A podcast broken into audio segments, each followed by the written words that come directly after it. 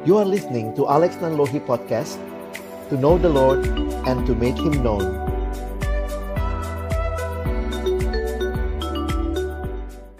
Memiliki hati seorang murid Kekristenan bukan sekadar sebuah agama, tetapi adalah relasi yang hidup dengan Allah di dalam dan melalui Tuhan Yesus Kristus.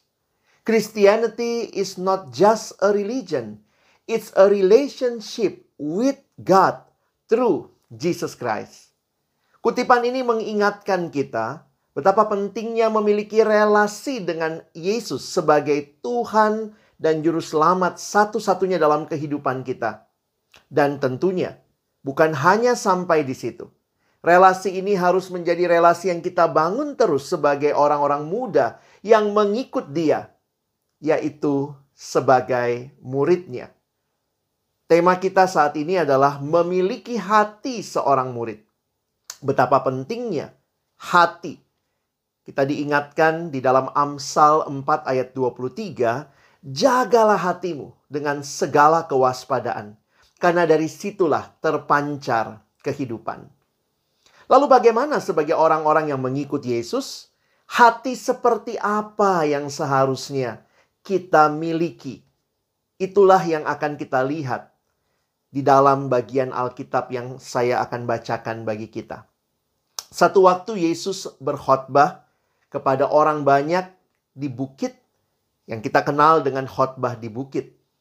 Tetapi sebenarnya jika kita memperhatikan inti pengajarannya adalah bagi orang-orang yang telah menjadi muridnya. Karena tuntutan yang dia minta adalah tuntutan yang begitu tinggi bagi orang-orang yang bukan hanya ikut Yesus, iseng-iseng ikut, tetapi orang-orang yang sungguh-sungguh mau mengikut Dia. Di akhir khotbah di bukit, Yesus memberikan satu perumpamaan menggambarkan kesejatian seorang murid.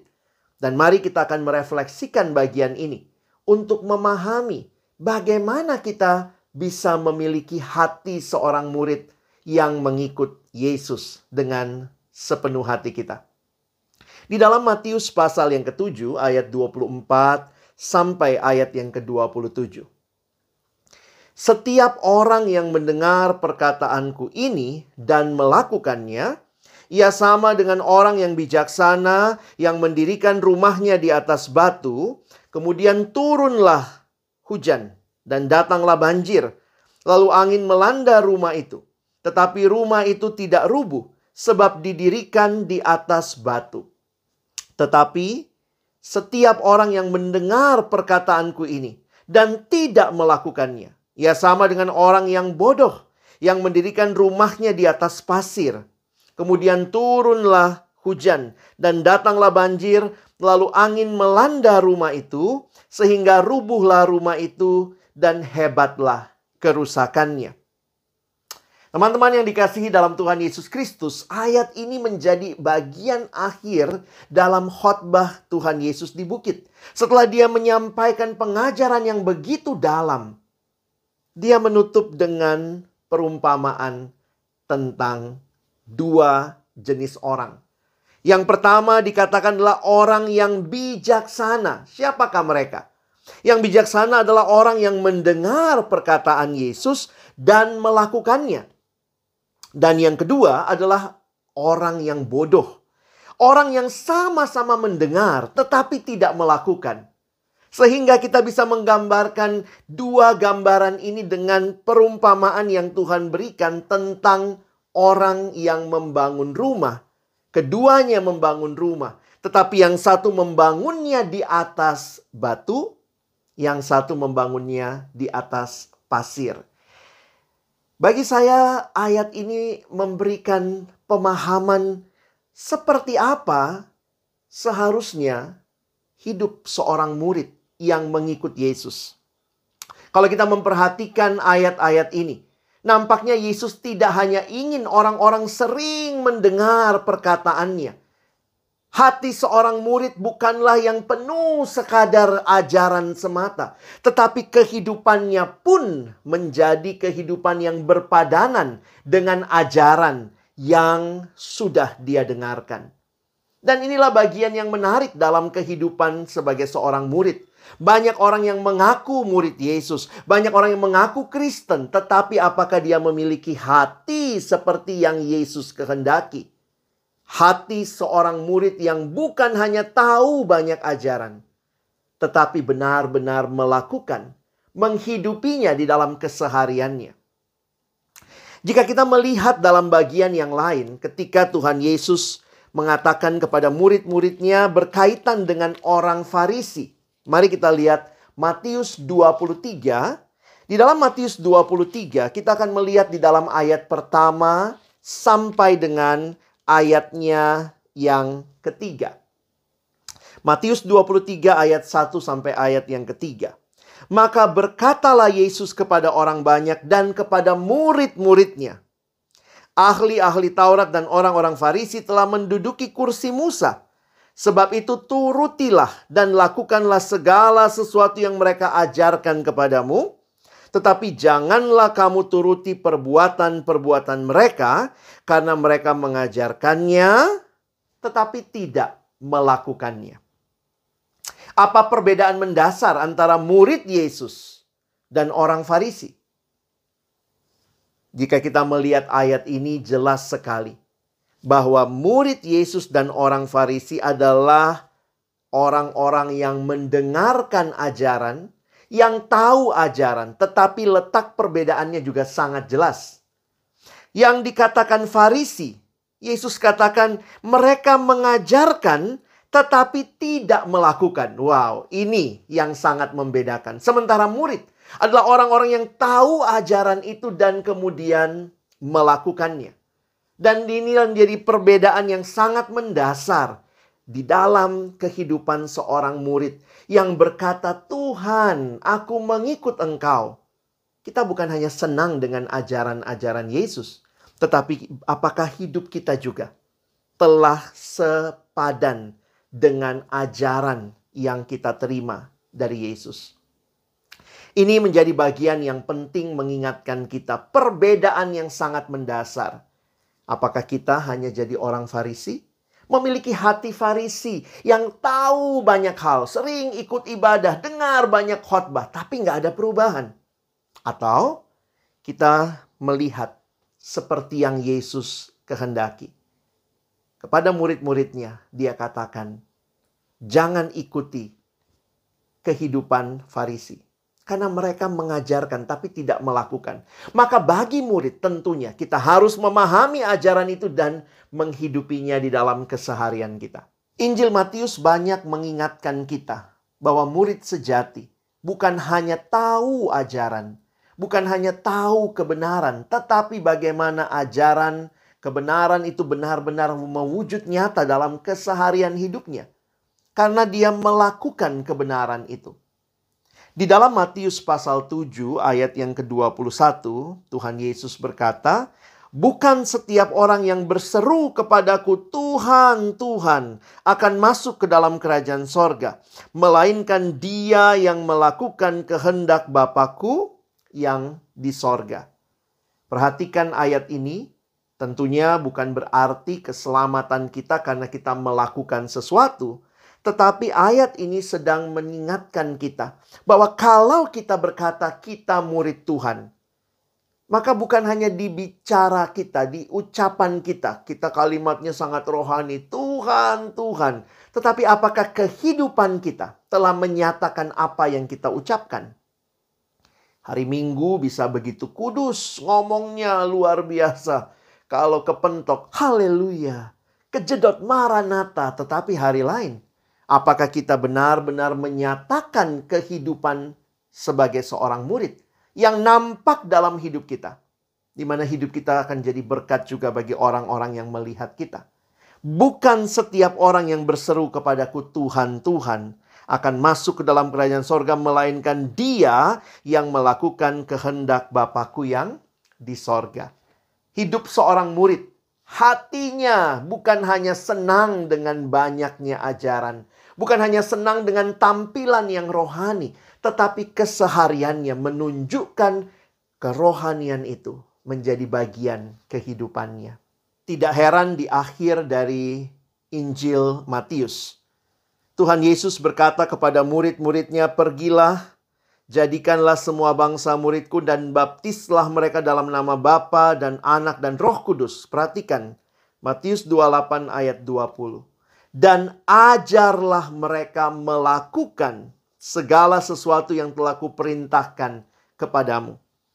Hati seorang murid adalah hati yang melakukan apa yang telah diajarkan. Bukan hanya hati yang senang dengan berbagai ajaran, hati yang senang dengan begitu banyaknya khotbah yang didengar saja, tetapi kehidupannya menjadi kehidupan yang melakukan segala yang telah diperintahkan. Ini menjadi peringatan bagi kita untuk benar-benar memiliki hati yang seperti yang Kristus kehendaki hati seorang murid yang melakukan segala yang diajarkan kepada mereka. Yuk, kita coba cek hidup kita ya. Apakah kita memiliki hati seorang murid? Hati yang siap diajar, tetapi juga hati yang siap melakukan apa yang telah kita terima. Teman-teman, banyak orang yang tahu ajaran-ajaran yang penting, tetapi apakah kita sudah melakukannya dalam keseharian kehidupan kita? Banyak orang misalnya mengerti, wah penting sekali membaca firman Tuhan. Ada yang berkata, iya benar, firmanmu itu pelita bagi kakiku, terang bagi jalanku, hafal ayatnya. Bisa sebutkan bahkan Mazmur 119 ayat 105, betul alamat ayatnya. Tapi pertanyaannya, apakah dalam kehidupan keseharian teman-teman sekalian, engkau sudah melakukan apa yang kau pahami. Tuhan menghendaki kita mengampuni satu sama lain. Ampunilah seorang akan yang lain apabila yang seorang menaruh dendam terhadap yang lain. Kita tahu ayatnya, oh Tuhan mengatakan demikian, bahkan mungkin kita sudah pernah membagikannya. Tetapi sudahkah kita menghidupinya? Kehidupan yang benar-benar belajar mengampuni, belajar mengasihi. Kita tahu berdoa itu penting, tetapi apakah kita juga telah melakukan dan menikmati kehidupan doa kita? Jangan cuma jadi farisi, tahu banyak, tetapi jadilah murid yang melakukan apa yang kita tahu. Kita paham menjadi seorang murid adalah seorang yang harusnya terus menikmati relasi dengan Bapa tapi apakah juga kita telah menikmatinya di dalam keseharian kehidupan kita? Tuhan tidak memanggil kita jadi farisi. Tuhan memanggil kita menjadi murid. Mari evaluasi lagi kehidupan kita. Dan mari bangunlah hidup yang benar-benar melakukan firman Tuhan. Mencintai dia di dalam keseharian kita. Itulah hidup. Hati dari seorang murid yang mengikut Tuhan di dalam kesehariannya. Sehingga bagi orang muda, maka ini menjadi ujian bagi kita. Apakah kita sudah memiliki hati seorang murid? Tuhan membaharui hidup kita, dan Dia memanggil kita untuk menjadi berkat juga di tengah-tengah kehidupan sehari-hari. Kita tidak hanya dipanggil jadi murid bagi diri kita sendiri, tetapi menjadi garam dan terang di dalam dunia ini hadir memberi warna di sekitar kita. Murid yang ketika dia hadir, dia tidak lupa bahwa dia adalah murid Kristus. Dan ketika dia hadir, dia pun membawa pembaharuan bagi lingkungan di sekitarnya. Hati seorang murid harus terus kita pupuk, harus terus kita bangun. Dan percayalah, Tuhan memberikan kepada kita tiga hal untuk membangun hati seorang murid. Pertama, Tuhan memberikan rohnya yang kudus. Roh kudusnya diberikan tinggal diam di hati setiap kita yang percaya kepada Yesus sebagai satu-satunya Tuhan dan Juru Selamat. Roh kudus diam di hati kita memimpin kita untuk boleh hidup seturut dengan kehendak Tuhan. Yang kedua, Tuhan memberikan kita firman-Nya. Firman Tuhan adalah bagian yang mentransformasi kehidupan kita. Dikatakan di dalam 2 Timotius pasal yang ketiga, ayatnya yang ke-16. 2 Timotius 3 ayat yang ke-16 mengatakan, Segala tulisan yang diilhamkan Allah memang bermanfaat untuk mengajar, untuk menyatakan kesalahan, untuk memperbaiki kelakuan, dan untuk mendidik orang dalam kebenaran. Apakah kita telah menjadikan firman Tuhan pelita bagi kaki kita, terang bagi jalan kita, pedoman dalam hidup kita?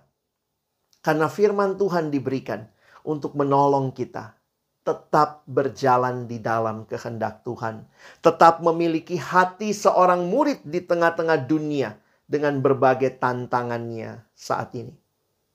Dan yang ketiga, Tuhan memberikan kita komunitas.